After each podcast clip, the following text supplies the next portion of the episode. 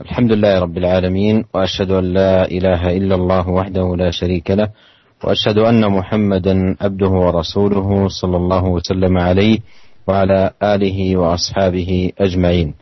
أما بعد نواصل في شرح رياض الصالحين باب الصبر وقد أورد المصنف الإمام النووي رحمه الله تعالى بعض الآيات وبعض الأحاديث إلى أن قال رحمه الله وعن أبي زيد أسامة بن زيد بن حارثة مولى رسول الله صلى الله عليه وسلم وحبه وابن حبه رضي الله عنهما قال أرسلت بنت النبي صلى الله عليه وسلم إن ابني قد احتضر فاشهدنا.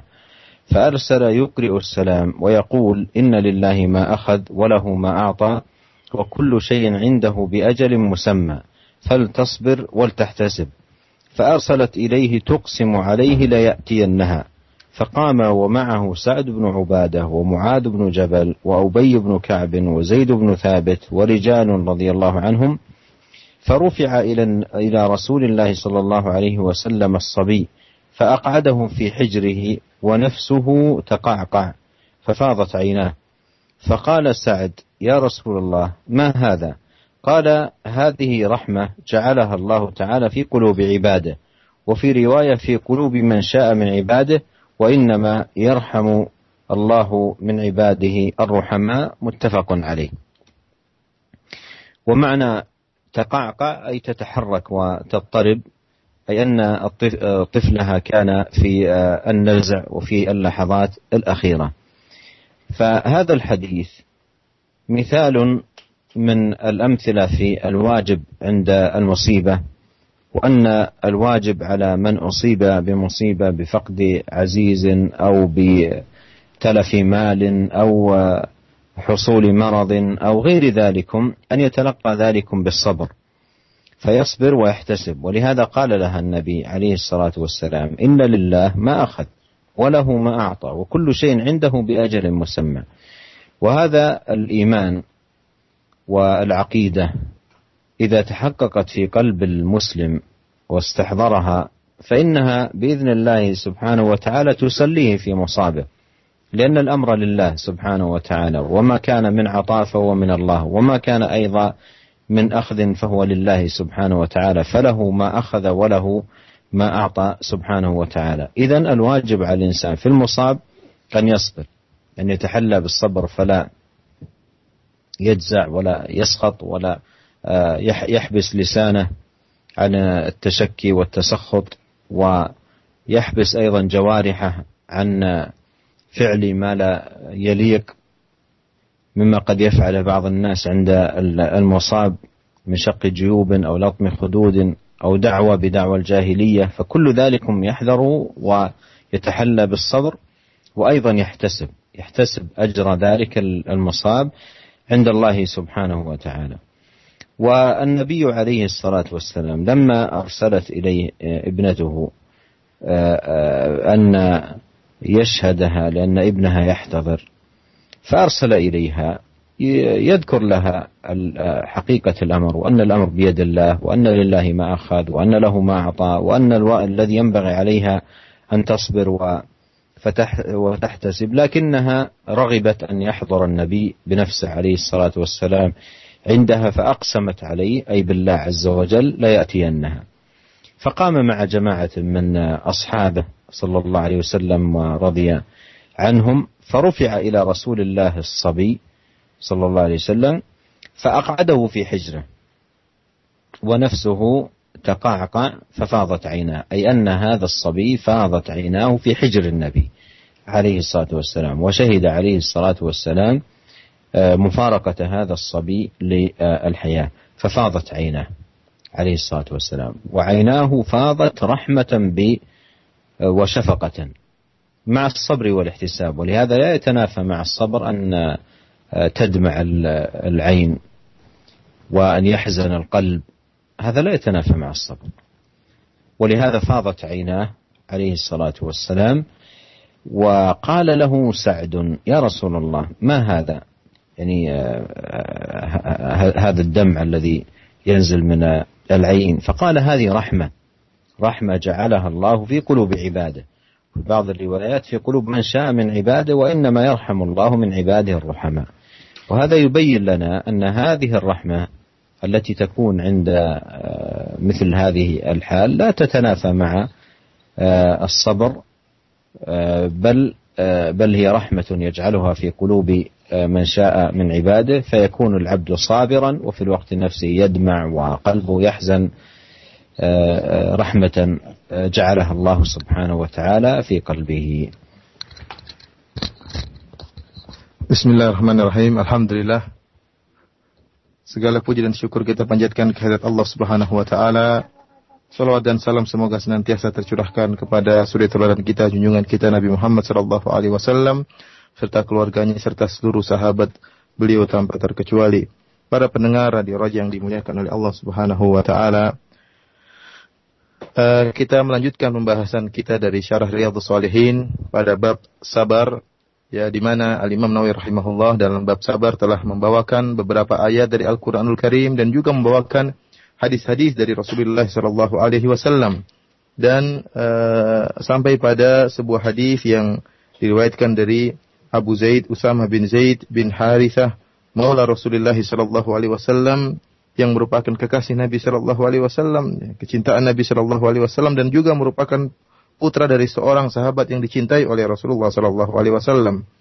Usama bin Zaid berkata bahwasanya uh, arsalat bintu Nabi sallallahu alaihi wasallam inna ibni qad uhtidar fashhadna.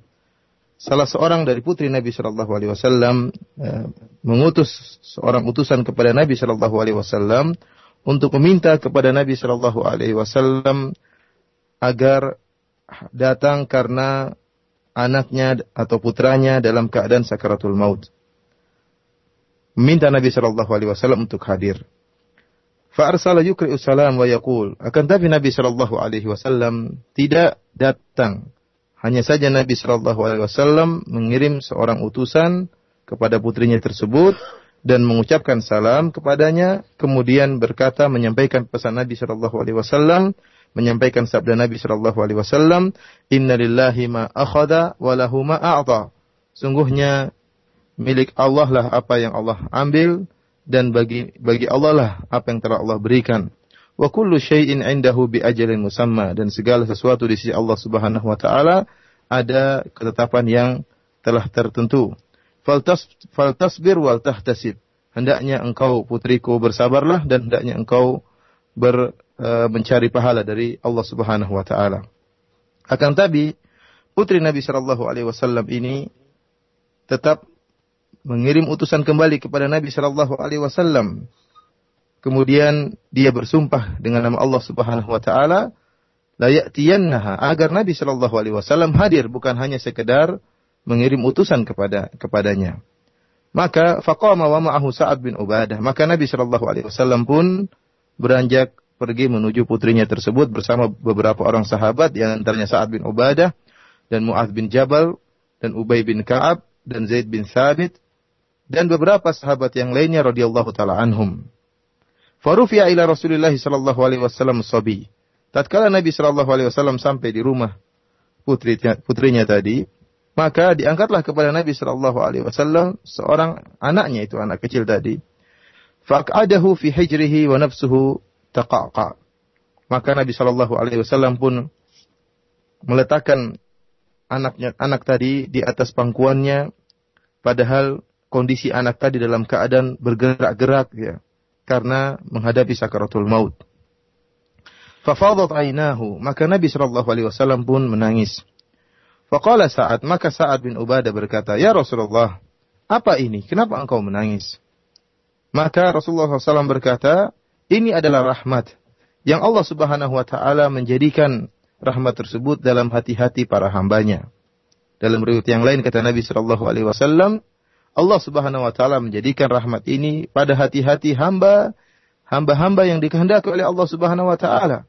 Wa inna ma yarhamullahu min ibadihi ruhama dan Allah hanyalah merahmati dari hamba-hambanya yaitu orang-orang yang juga merahmati. Para pendengar yang dirahmati oleh Allah Subhanahu wa taala, Hadis ini merupakan salah satu contoh dari perkara yang wajib yang hendaknya dilakukan oleh seorang muslim tatkala tertimpa musibah, baik tatkala kehilangan seorang yang dicintainya atau tatkala kehilangan harta bendanya atau tatkala disimpa, ditimpa dengan penyakit atau musibah-musibah yang lain. Yaitu wasiat Nabi Shallallahu alaihi wasallam kepada seorang muslim yang terkena musibah untuk sabar dan ihtisab. Sabar menghadapi musibah tersebut dan ihtisab mengharapkan ganjaran di sisi Allah Subhanahu wa taala. Oleh karenanya Nabi Shallallahu alaihi wasallam tatkala diminta untuk hadir di rumah putrinya, maka Nabi Shallallahu alaihi wasallam pertama kali hanya mengirim seorang utusan untuk mengingatkan perkara yang sangat penting kepada putrinya. Dengan sabda Nabi Shallallahu alaihi wasallam, "Inna lillahi ma akhadha wa lahu ma a'ta." Sungguhnya semuanya milik Allah Subhanahu wa taala. Allah Subhanahu wa taala miliknya lah apa yang dia ambil dan baginya lah apa yang dia berikan seluruhnya milik Allah Subhanahu wa taala dan seluruhnya telah ditetapkan ajalnya ditetapkan dengan ajal yang tertentu. Dan ini merupakan akidah yang sangat penting. Jika akidah ini tertancap dalam hati seorang hamba maka akan menangkan jiwanya. Bagaimana tidak dia yakin bahwasanya seluruh adalah milik Allah Subhanahu wa taala? Apa yang Allah ambil adalah milik Allah dan apa yang Allah berikan juga milik Allah Subhanahu wa taala.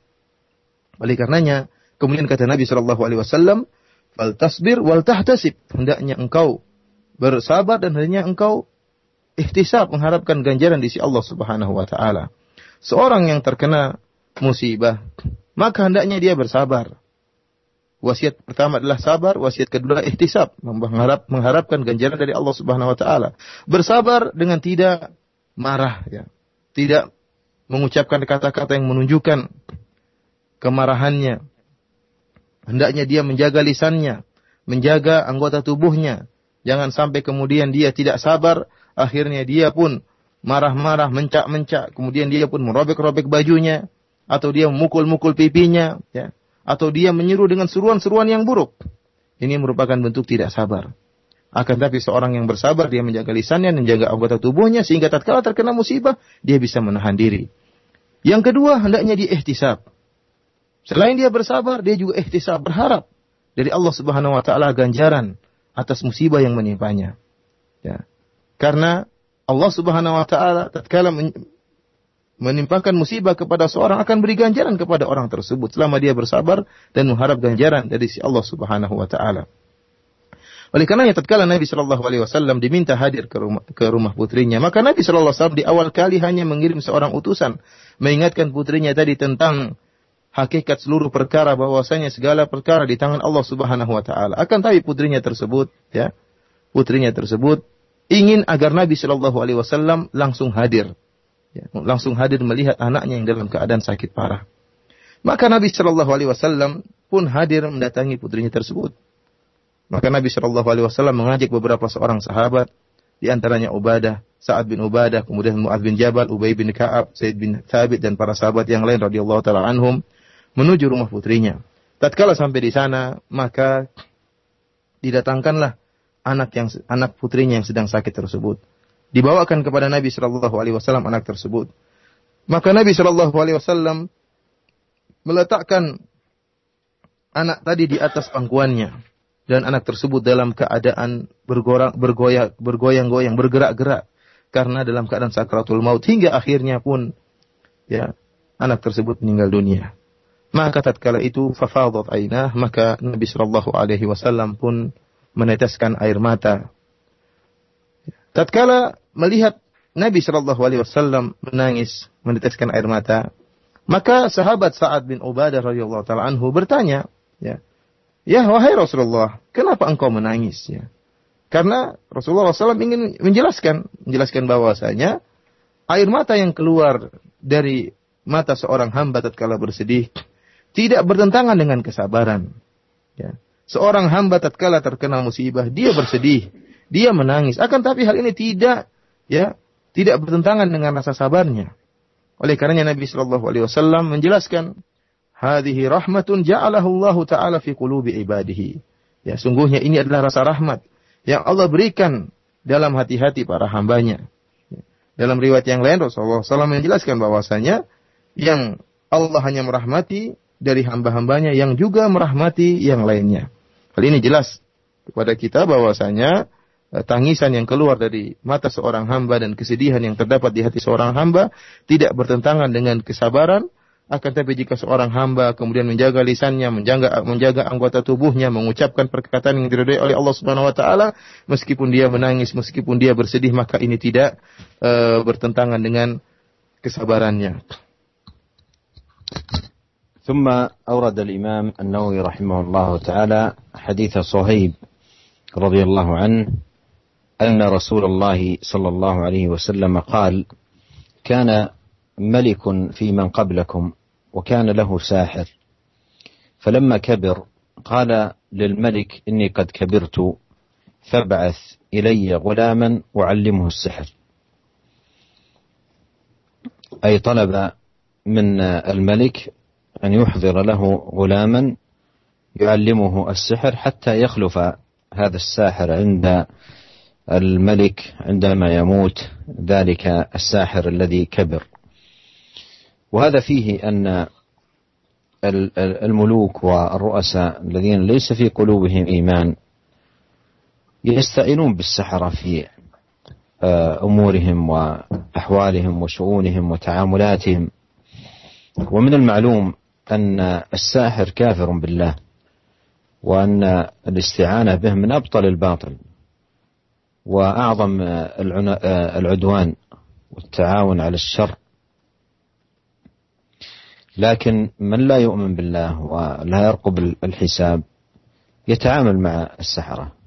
فأوصى هذا الساحر الملك أن يرسل له غلاما يعلمه السحر. فبعث إليه غلاما يعلمه. وكان في طريقه أي طريق الغلام إذا سلك راهب. وهذا أيضا من التوفيق توفيق الله عز وجل لذلك الغلام ومن الأسباب التي كما سيأتي معنا يسر الله سبحانه وتعالى بها هداية خلق إلى دين الله عز وجل. والملك بعث الغلام ليكون ساحرا لكن جعل الله سبحانه وتعالى في طريق هذا الغلام من يجعله بتوفيق من الله سبحانه وتعالى مؤمنا يدعو إلى دين الله ولا تأخذه في ذلك لومه لائم فقعد إليه أي قعد الغلام إلى ذلك الراهب. والراهب هو المتعبد والمتنسك من عباد النصارى. فقعد إليه وسمع كلامه فأعجبه. سمع كلامه فأعجبه. كلام فيه الإيمان وفيه العبادة والخوف من الله والذكر لله فأعجبه كلامه. فكان يتأخر عن الساحر عند ذلك الراهب. فإذا أتى الساحر مر وكان إذا أتى الساحر مر بالراهب وقعد إليه. فإذا أتى الساحر ضربه لتأخره فشكى ذلك إلى الراهب. قال إن خشيت الساحر فقل حبسني أهلي. وإذا خشيت أهلك فقل حبسني الساحر. فتكون بهذا سواء تأخرت في طريقك إلى أهلك أو في طريقك إلى الساحر آه، لديك هذا العذر الذي تسلم به في الحالتين. وهذا فيه التخلص آه، بمثل هذه التورية لأنه هو حبسه أهله لأنه كان عند أهله وقبل أن ينطلق. وحبسه الراهب أي كان عند الراهب قبل أن ينطلق إلى آه، حبسه الساحر أي كان عند الساحر قبل أن ينطلق إلى أهله.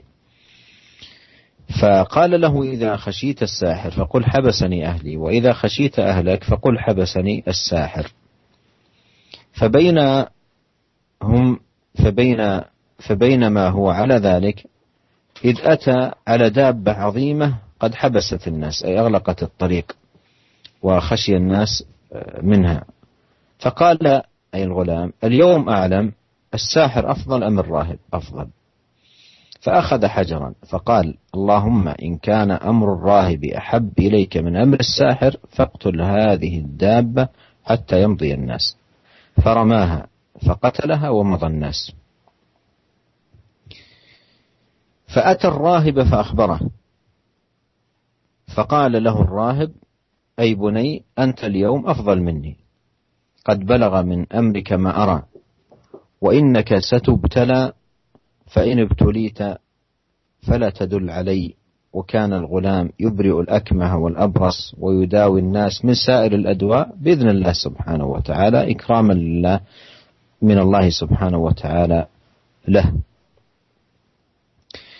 فسمع جليس للملك كان قد عمي فأتاه بهدايا كثيرة فقال ما ها هنا لك؟ أجمع إن أنت شفيتني. يعني كل هذا سأعطيك إياه إن أنت شفيتني أي من هذا العمى الذي أنا مصاب به. فقال إني لا أشفي أحدا إنما يشفي الله تعالى. فإن آمنت بالله دعوت الله فشفاك. فآمن بالله تعالى فشفاه الله تعالى. وهذا فيه فائدة أيضا عظيمة جدا ومهمة. أن آه، الطبيب الذي يمارس الطب لا يعلق الناس بنفسه. وهذا خطأ يقع فيه عدد من الأطباء. يقول أنا أداويك أنا أعالجك أنا أشفيك من هذا المرض. يخطي في حتى تعبيره وألفاظه. والشافي هو الله. الطبيب إنما هو يبذل السبب. أما الشافي هو الله سبحانه وتعالى ولهذا كان النبي صلى الله عليه وسلم يقول في رقيته للمريض اللهم رب الناس مذهب البأس اشفي أنت الشافي لا شفاء إلا شفاؤك شفاء لا يغادر سقما. فالشافي هو الله سبحانه وتعالى والطبيب إنما هو يبذل السبب.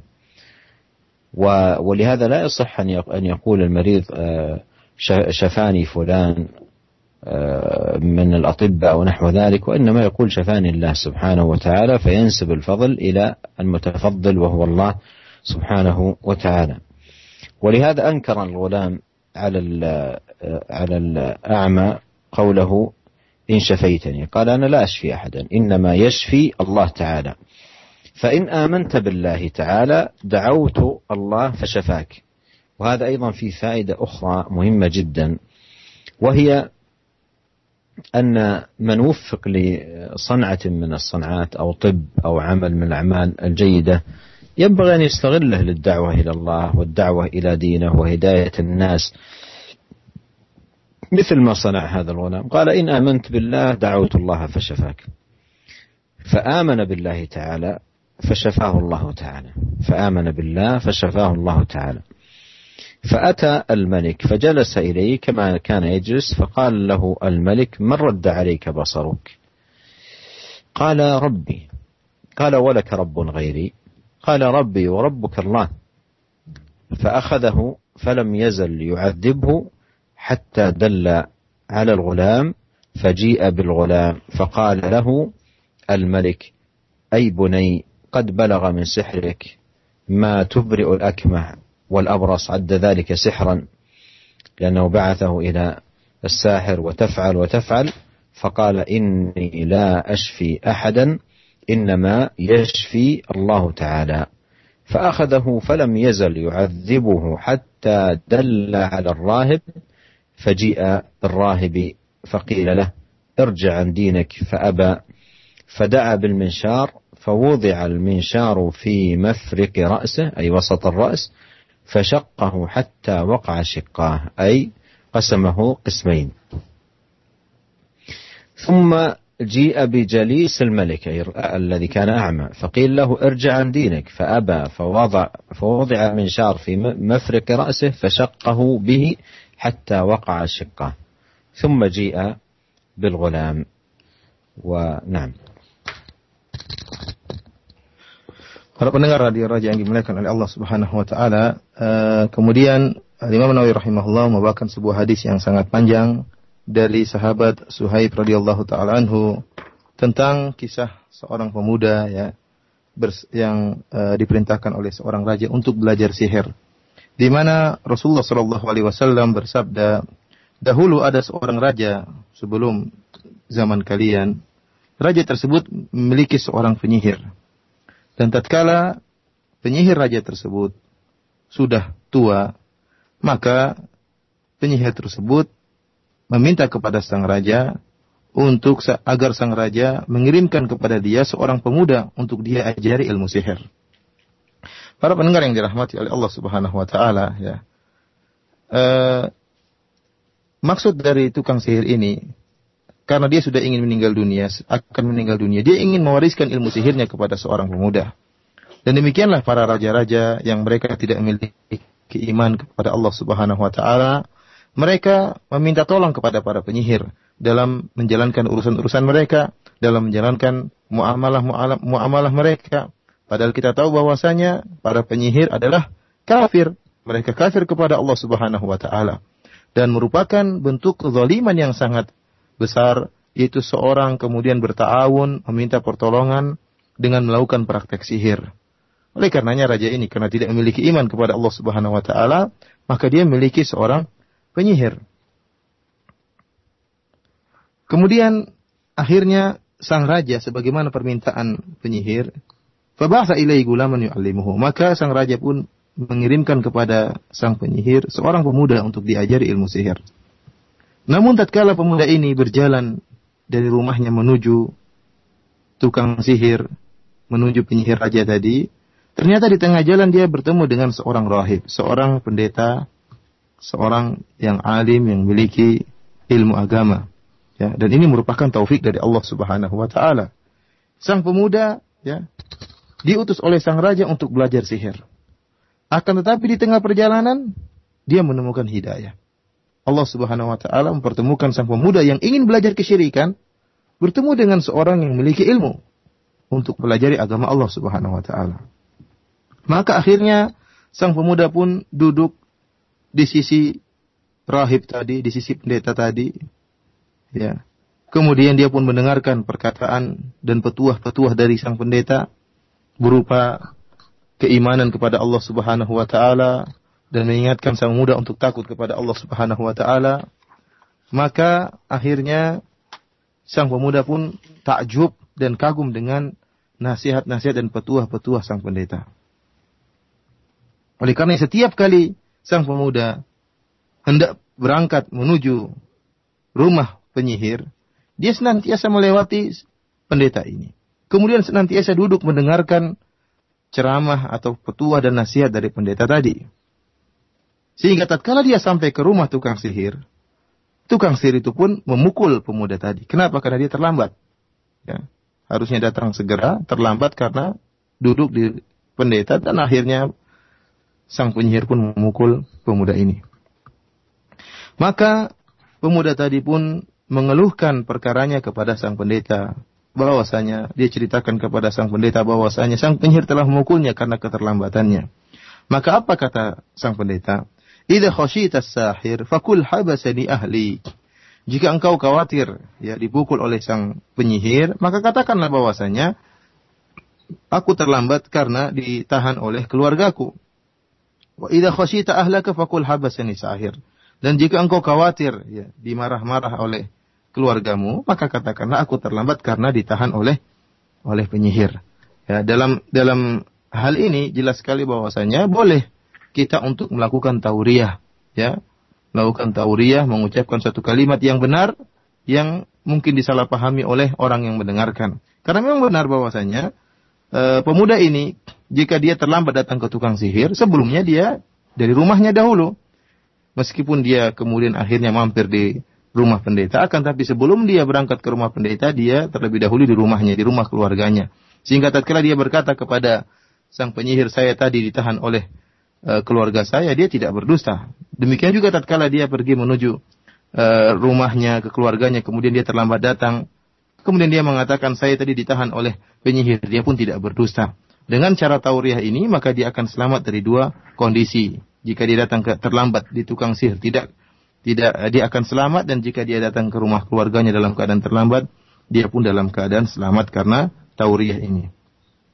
Maka tatkala sang pemuda ini suatu saat ya berjalan, tiba-tiba dia melihat seekor binatang buas yang sangat besar yang telah menutup jalan manusia.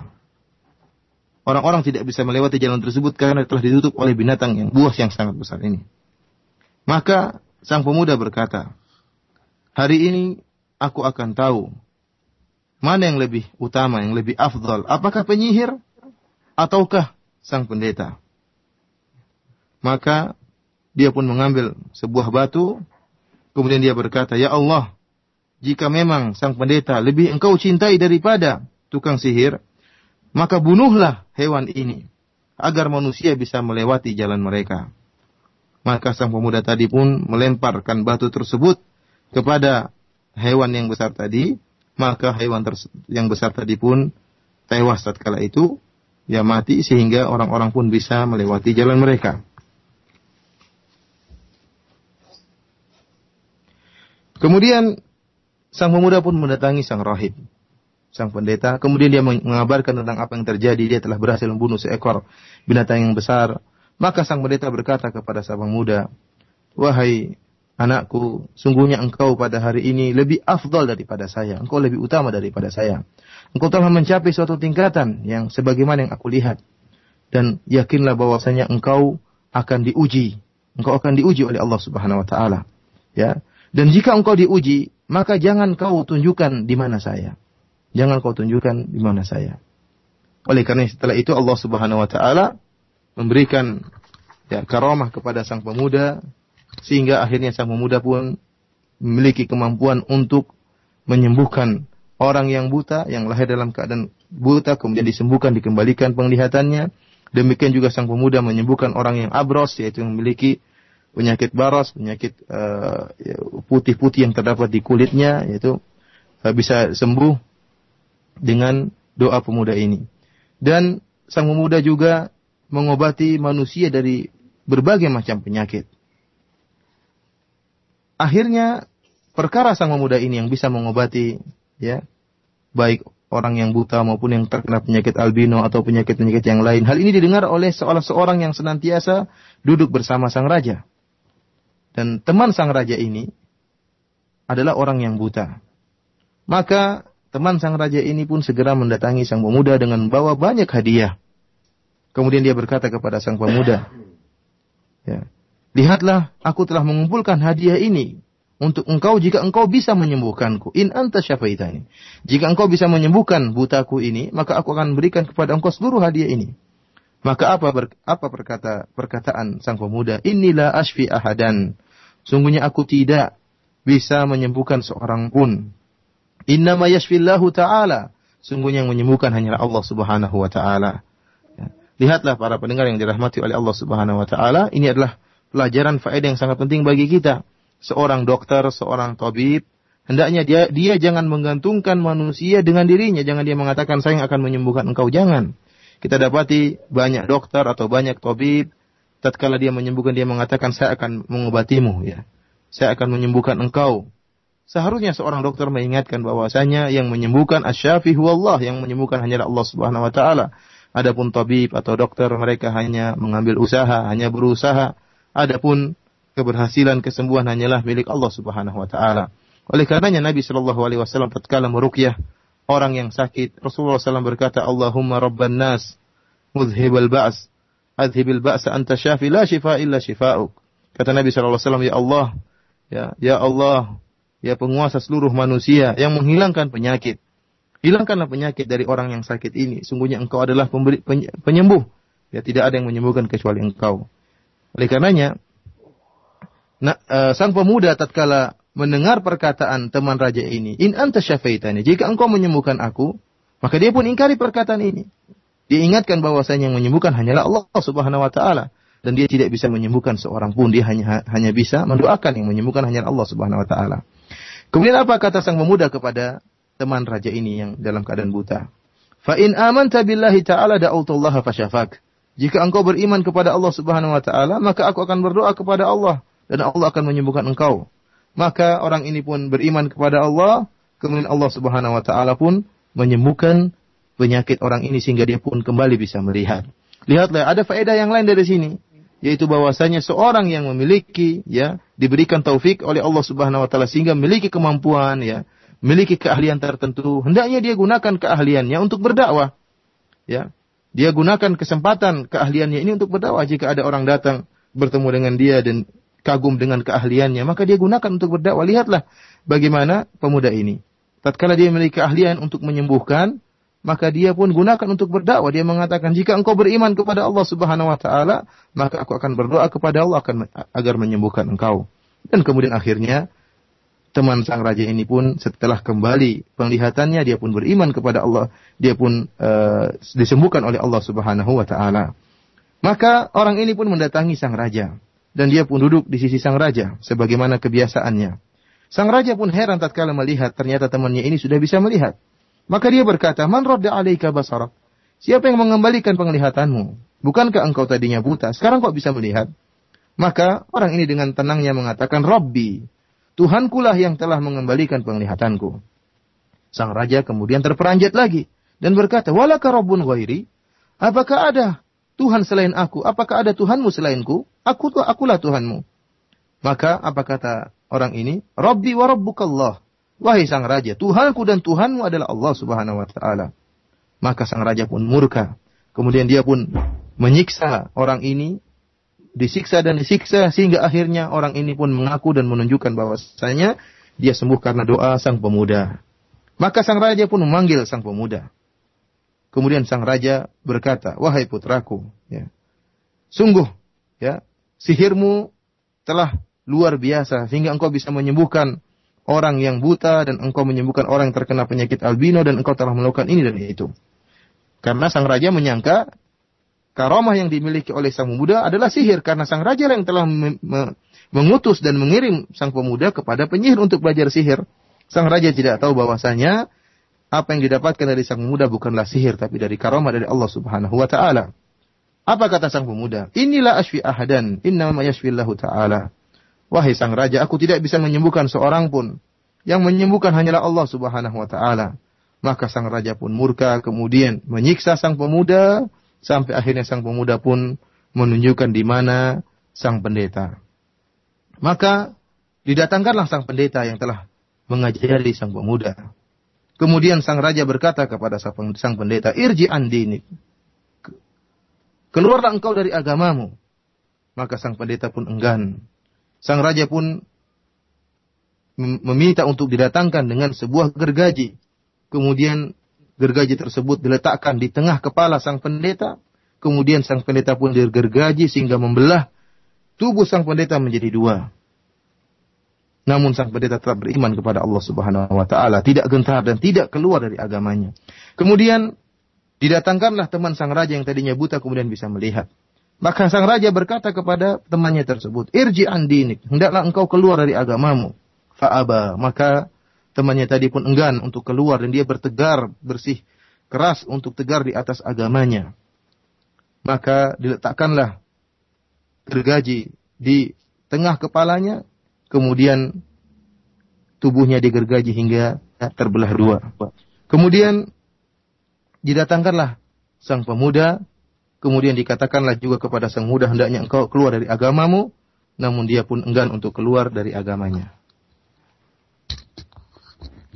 قال ثم جيء بالغلام فقيل له ارجع عن دينك فأبى فدفعه إلى نفر من أصحابه فقال اذهبوا به إلى جبل كذا وكذا فاصعدوا به الجبل. فإذا بلغتم ذروته أعلاه فإن رجع عن دينه وإلا فاطرحوه. فذهبوا به فصعدوا به الجبل فقال اللهم اكفنيهم بما شئت.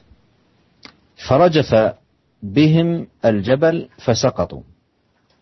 وهذه دعوة عظيمة تقال عند مجابهة أمر مخيف أو ملك ظالم أو عدو غاشم أو نحو ذلك يقال اللهم اكفني بما شئت. فرجف بهم الجبل فسقطوا وجاء يمشي إلى الملك أي لم يصب بشيء. فقال له الملك ما فعل بأصحابك؟ قال كفانيهم الله تعالى. فدفعه إلى نفر من أصحابه فقال اذهبوا به. فاحملوه في قرقور أي في سفينة. فاحملوه في قرقور نوع من السفن وتوسطوا به البحر. فإن رجع عن دينه وإلا فاقذفوه فذهبوا به. فقال اللهم اكفنيهم بما شئت. فانكفأت بهم السفينة فغرقوا وجاء يمشي إلى الملك. فقال له الملك ما فعل بأصحابك؟ قال كفانيهم الله تعالى. فقال للملك إنك لست بقاتلي حتى تفعل ما آمرك به. قال ما هو؟ قال تجمع الناس. أراد أن يستغل هذا الحدث العظيم لدعوة الناس إلى الإيمان بالله ومعرفة الله والإقبال على دينه. استغل هذا الحدث العظيم لذلك. فقال تجمع الناس في صعيد واحد أي في مكان واحد بحيث الجميع يرونه وتصلبني على جذع ثم خذ سهما من كنانتي ثم ضع السهم السهم في كبد القوس أي في وسط القوس وهو المقبض عند الرمي. ثم قل بسم الله رب الغلام ثم ارمني. أراد الملك أن ينطق أراد الغلام أن ينطق الملك بهذه الكلمة بسم الله رب الغلام. حتى يسمعها الجميع والملك يقولها فتكون سببا لإيمانهم وهدايتهم. ثم ارمني فإنك إن إذا فعلت ذلك قتلتني. فجمع الناس في صعيد واحد وصلبه على جذع على جذع ثم أخذ سهما من كنانته ثم وضع السهم في كبد القوس ثم قال باسم رب الغلام ثم رماه فوقع السهم في صدغه. والصدغ هو ما بين آه، العين وشحمة الأذن. ما بين العين وشحمة الأذن فوضع يده في صدغه فمات. مات الغلام. فقال الناس آمنا برب الغلام. وهذا الذي كان يهدف إليه آه، الغلام بأن يموت بهذه الطريقة. قالوا قال الناس آمنا برب الغلام. فأوتي الملك فقيل له أرأيت ما كنت تحذر؟ قد والله نزل بك حذرك. قد آمن الناس. قد آمن الناس. فأمر الملك بالأخدود بأفواه السكك أي أن يشق في أفواه السكك شقوق في الأرض خديد تشق في في أفواه السكك أي أبواب السكك والطرقات. و آه، فخدت واضرم فيها النيران. وقال من لم يرجع عن دينه فأقحموه فيها. أو قيل له اقتحم. ففعلوا حتى جاءت امرأة ومعها صبي لها. وهذا أيضا يوضح لنا أن الناس آمنوا إيمان قوي وأن هذا الحدث هزهم وحرك قلوبهم فآمنوا بالله سبحانه وتعالى ومما يدل على قوة إيمانهم أن النار خدت في الأرض ومن لا يستجيب يلقى في النار فلم يبالوا بذلك من قوة إيمانهم بالله سبحانه وتعالى. فجاءت هذه المرأة ومعها صبي لها فتقاعست أن تقع فيها. كأنها حنت على وأشفقت على هذا الصبي الذي في المهد تحمله. فقال لها الغلام يا أمة اصبري فإنك على الحق. نطق هذا الغلام الذي تحمله تلك المرأة ودعا أمه للصبر. قال اصبري فإنك على الحق. وهذا موضع الشاهد من هذه القصة. وسبحان الله العظيم يعني هذه وصية بالصبر من غلام في المهد والذين أنطقهم الله سبحانه وتعالى في المهد آه، قرابة أربعة منهم هذا الغلام ومنهم عيسى أنطقه الله سبحانه وتعالى في المهد كما جاء في القرآن آه، آه، الكريم.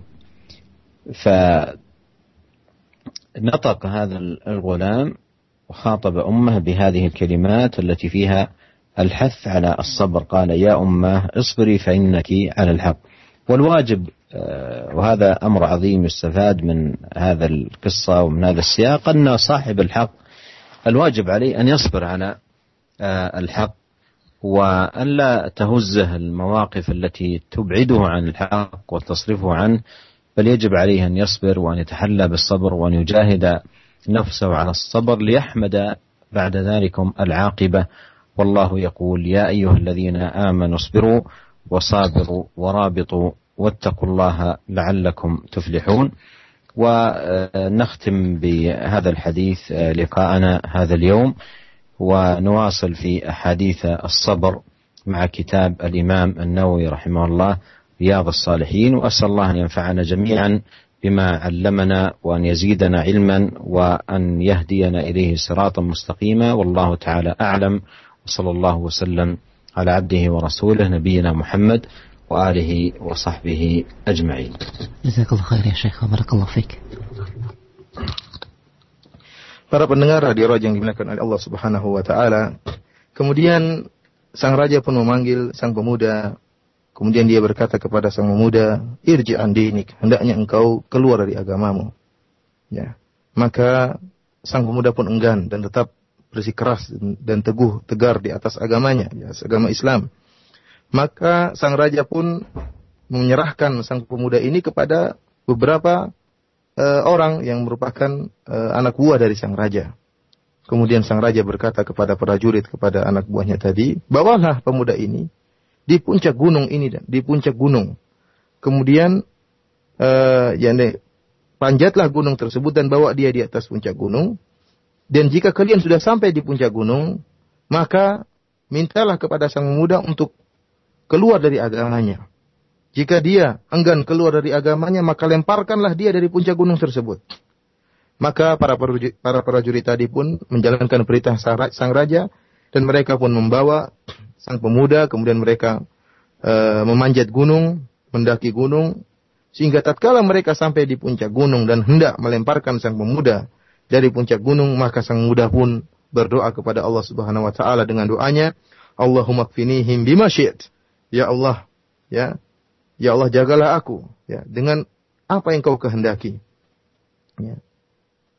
Kemudian faraja fabihim maka akhirnya gunung pun tersebut uh, bergetar fasaqatu akhirnya mereka pun justru mereka yang jatuh dari puncak gunung. Maka sang pemuda pun turun dari gunung kemudian dia berjalan menuju sang raja ya dalam keadaan selamat tidak tertimpa sesuatu pun. Dan doa ini merupakan doa yang sangat penting ya Allahumma kfinihim bima syi'at Ya Allah jagalah aku, yaitu cukupkanlah aku dari gangguan mereka dengan apa yang kau kehendaki. Ya doa ini adalah doa yang bisa diucapkan oleh seorang muslim tatkala berhadapan dengan raja yang zalim atau berhadapan dengan perkara yang menakutkan, diganggu oleh orang-orang yang zalim, maka hendaknya dia berdoa dengan doa ini Allahumma kfinihim bima Maka datanglah sang pemuda menuju sang raja dalam keadaan selamat. Maka sang raja pun terperanjat dan heran melihat kondisi pemuda yang dalam keadaan selamat. Maka dia berkata, apa yang terjadi dengan prajurit-prajuritku? Maka sang raja, sang pemuda berkata, Allah Subhanahu wa taala telah menjagaku dan menjauhkan aku dari gangguan mereka. Akhirnya sang raja pun menyerahkan pemuda ini kepada prajurit-prajurit yang lain. Kemudian sang raja berkata, bawalah sang pemuda ini dan naikkanlah sang pemuda ini di atas sebuah perahu dan pergilah kalian di tengah lautan Kemudian tatkala kalian sampai di tengah lautan, maka mintalah kepada sang pemuda untuk keluar dari agamanya. Jika dia enggan, maka lemparkanlah dia ke tengah lautan. Maka mereka pun pergi membawa sang pemuda di atas perahu. Kemudian, tatkala sampai di tengah lautan, mereka pun minta sang pemuda untuk keluar dari agamanya. Namun sang pemuda pun enggan dan berkota, ber, berdoa kepada Allah, Allahumma kfinihim bima Ya Allah, jagalah aku dari gangguan mereka, ya Allah, dengan apa yang kau kehendaki. Fangkafa'at bihi musafinatu faghariqu. Maka uh, perahu pun terbalik dan akhirnya mereka justru para prajurit tersebutlah yang tenggelam. Akhirnya sang pemuda pun kembali dalam keadaan selamat menuju sang raja maka sang raja pun terperanjat kembali dan bertanya apa yang terjadi dengan para prajurit maka sang pemuda berkata Allah Subhanahu wa taala telah menjagaku dari gangguan mereka kemudian sang pemuda berkata kepada sang raja wahai sang raja engkau tidak akan mampu untuk membunuhku sampai engkau melakukan apa yang aku perintahkan kepadamu. Sang raja berkata, apa perintahmu? Kata sang pemuda, kumpulkanlah seluruh manusia di atas satu dataran, satu tempat. Satu tempat sehingga mereka semua bisa melihat sang pemuda, maksud dari sang pemuda. Yaitu satu tempat di mana manusia seluruh berkumpul sehingga bisa menyaksikan sang pemuda. Wataslibuni ala jad'in. Kemudian engkau hendaknya meng menyalipku di atas sebuah pohon. Kemudian ambillah salah satu anak panah dari tempat anak-anak tempat anak panahku. Kemudian letakkanlah anak panah tersebut di atas di tengah busurku. Kemudian setelah itu ucapkanlah bismillah bismillahirabbil. Dengan nama Allah Tuhannya sang pemuda. Kemudian panahlah aku. jika engkau melakukan hal ini, maka engkau akan bisa membunuhku. Maka sang raja pun mendengar perkataan sang pemuda, maka dia pun mengumpulkan seluruh rakyat tatkala itu di atas sebuah dataran sehingga mereka semua bisa melihat sang pemuda. Kemudian dia pun menyalip sang pemuda di atas sebuah kayu. Kemudian dia pun mengambil sebuah anak panah dari tempat anak panah sang pemuda. Kemudian dia meletakkan anak panah tersebut di tengah busur panah Kemudian dia berkata dengan suara yang didengar oleh seluruh manusia, seluruh rakyat tatkala itu Bismillahirrabbilgulam. Dengan nama Allah Tuhannya sang pemuda. Kemudian dia pun memanah sang pemuda tadi. Dan inilah yang dikehendaki oleh sang pemuda. Bahwasanya yang membunuh sang pemuda adalah Allah subhanahu wa ta'ala. Dan sang raja tatkala ingin memanahkan anak panah tersebut, mengucapkan nama Allah subhanahu wa ta'ala. Bismillah dengan nama Allah Tuhannya sang pemuda. Dan ini yang dikehendaki oleh sang pemuda sehingga didengarkan oleh seluruh rakyat tatkala itu. Maka akhirnya sang raja pun memanah sang pemuda dan jatuhlah anak panah tersebut di sudek. Sudek itu adalah suatu daerah ya, di wajah antara mata dengan telinga, ya antara mata dengan telinga. Di situlah e, tertancap anak panah tersebut di daerah tersebut dari wajah sang pemuda. Sehingga kemudian sang pemuda pun meletakkan tangannya di tempat terkena anak panah tadi, tempat luka tadi, maka kemudian dia pun wafat meninggal dunia. Melihat kondisi seperti ini, maka rakyat tatkala itu seluruhnya beriman kepada Allah Subhanahu wa taala. Mereka menyaksikan bahwasanya ya, dengan berkat nama Allah lah sang pemuda bisa meninggal dunia. Karena sang raja tatkala memanah dia mengucapkan bismillahirrabbilgulam. Ini merupakan kondisi kejadian yang menanamkan keimanan kepada rakyat tatkala itu sehingga mereka berkata, "Amanna bi rabbil gulam." Kami beriman kepada Rabbnya sang pemuda. Maka akhirnya datanglah seorang kepada sang raja dan berkata, "Wahai sang raja, bukankah ini yang kau takutkan? Bukankah ini yang kau khawatirkan? Orang-orang akan kafir kepadamu dan beriman kepada Allah Subhanahu wa taala?" Dan apa yang kau khawatirkan tersebut terjadi sekarang ini. Qad amanan nas, masyarakat seluruhnya sudah beriman.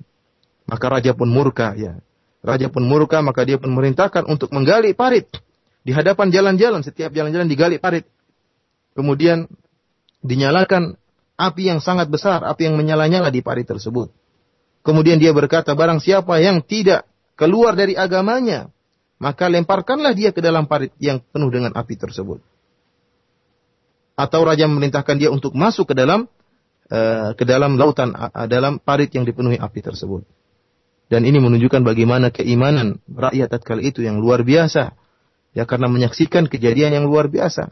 Sehingga mereka iman mereka sangat kuat sehingga meskipun diancam dengan dibakar, mereka tetap tidak peduli dan tetap beriman kepada Allah Subhanahu wa taala. Akhirnya mereka pun dibakar dan dilemparkan ke dalam satu persatu dilemparkan ke dalam uh, parit yang penuh dengan api tersebut. Meninggallah mereka. Sampai datanglah seorang wanita yang membawa seorang anaknya yang masih kecil, masih dalam gendongannya. Tatkala diperintahkan untuk masuk ke dalam lautan api, lautan dalam parit yang penuh dengan api tersebut, maka sang wanita pun merasa ragu-ragu. Kenapa dia kasihan melihat anaknya?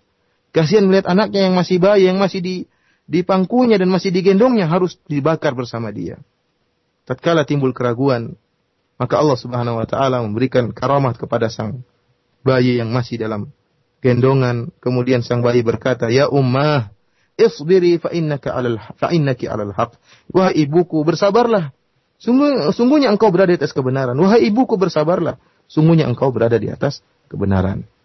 Para pendengar yang dirahmati oleh Allah Subhanahu wa taala, inilah ya, bagaimana hadis yang sangat panjang ini sampai akhirnya Allah Subhanahu wa taala membuat bayi yang masih dalam gendongan ini bisa berbicara dan dia merupakan salah satu dari empat bayi yang bisa berbicara di antaranya uh, anak ini dan juga Isa bin Maryam sebagaimana dalam Al-Qur'an dan dua yang lainnya yang mereka berbicara di waktu bayi ya dan ini merupakan karamah dari Allah Subhanahu wa taala kepada mereka. Sehingga tatkala bayi ini menyampaikan perkataan tersebut, wahai ibuku bersabarlah, maka bersabarlah sang ibu kemudian akhirnya mereka pun terbakar masuk dalam uh, api yang dibakar dalam parit tersebut. Hadis yang panjang ini mengajarkan kepada kita untuk bersabar di jalan Allah Subhanahu wa taala. Ini merupakan kewajiban bagi orang yang di atas kebenaran. Orang yang berada di atas kebenaran pasti akan diuji. Dan tatkala dia diuji maka hendaknya dia bersabar di jalan Allah Subhanahu wa taala. Jangan sampai kondisi yang menggoyangkan kesabarannya sehingga dia pun berpaling kepada kebatilan.